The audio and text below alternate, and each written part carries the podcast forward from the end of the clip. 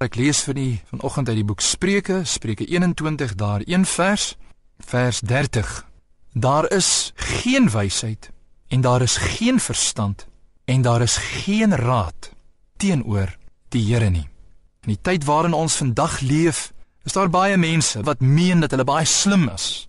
Klomp vergaderings en byeenkomste met beplannings en gedagtes en idees teen God.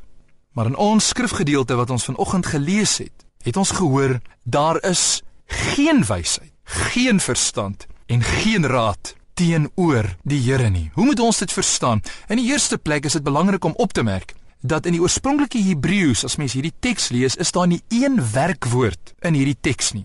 In Afrikaans word dit wel vertaal met daar is geen wysheid nie. Is is 'n werkwoord, maar in die oorspronklike Hebreëus is daar nie hierdie woordjie nie.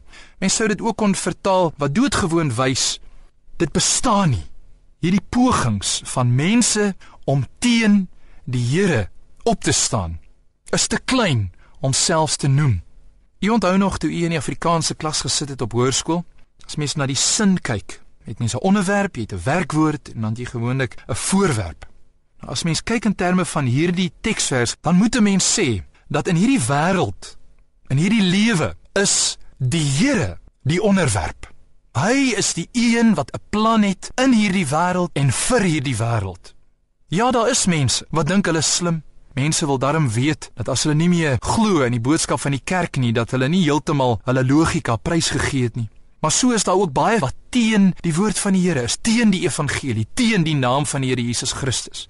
Maar die woord van die Here is hier duidelik en dit is dat al hierdie pogings tot niks sal kom nie, want God is die een wat in beheer is, die onderwerp van hierdie lewe.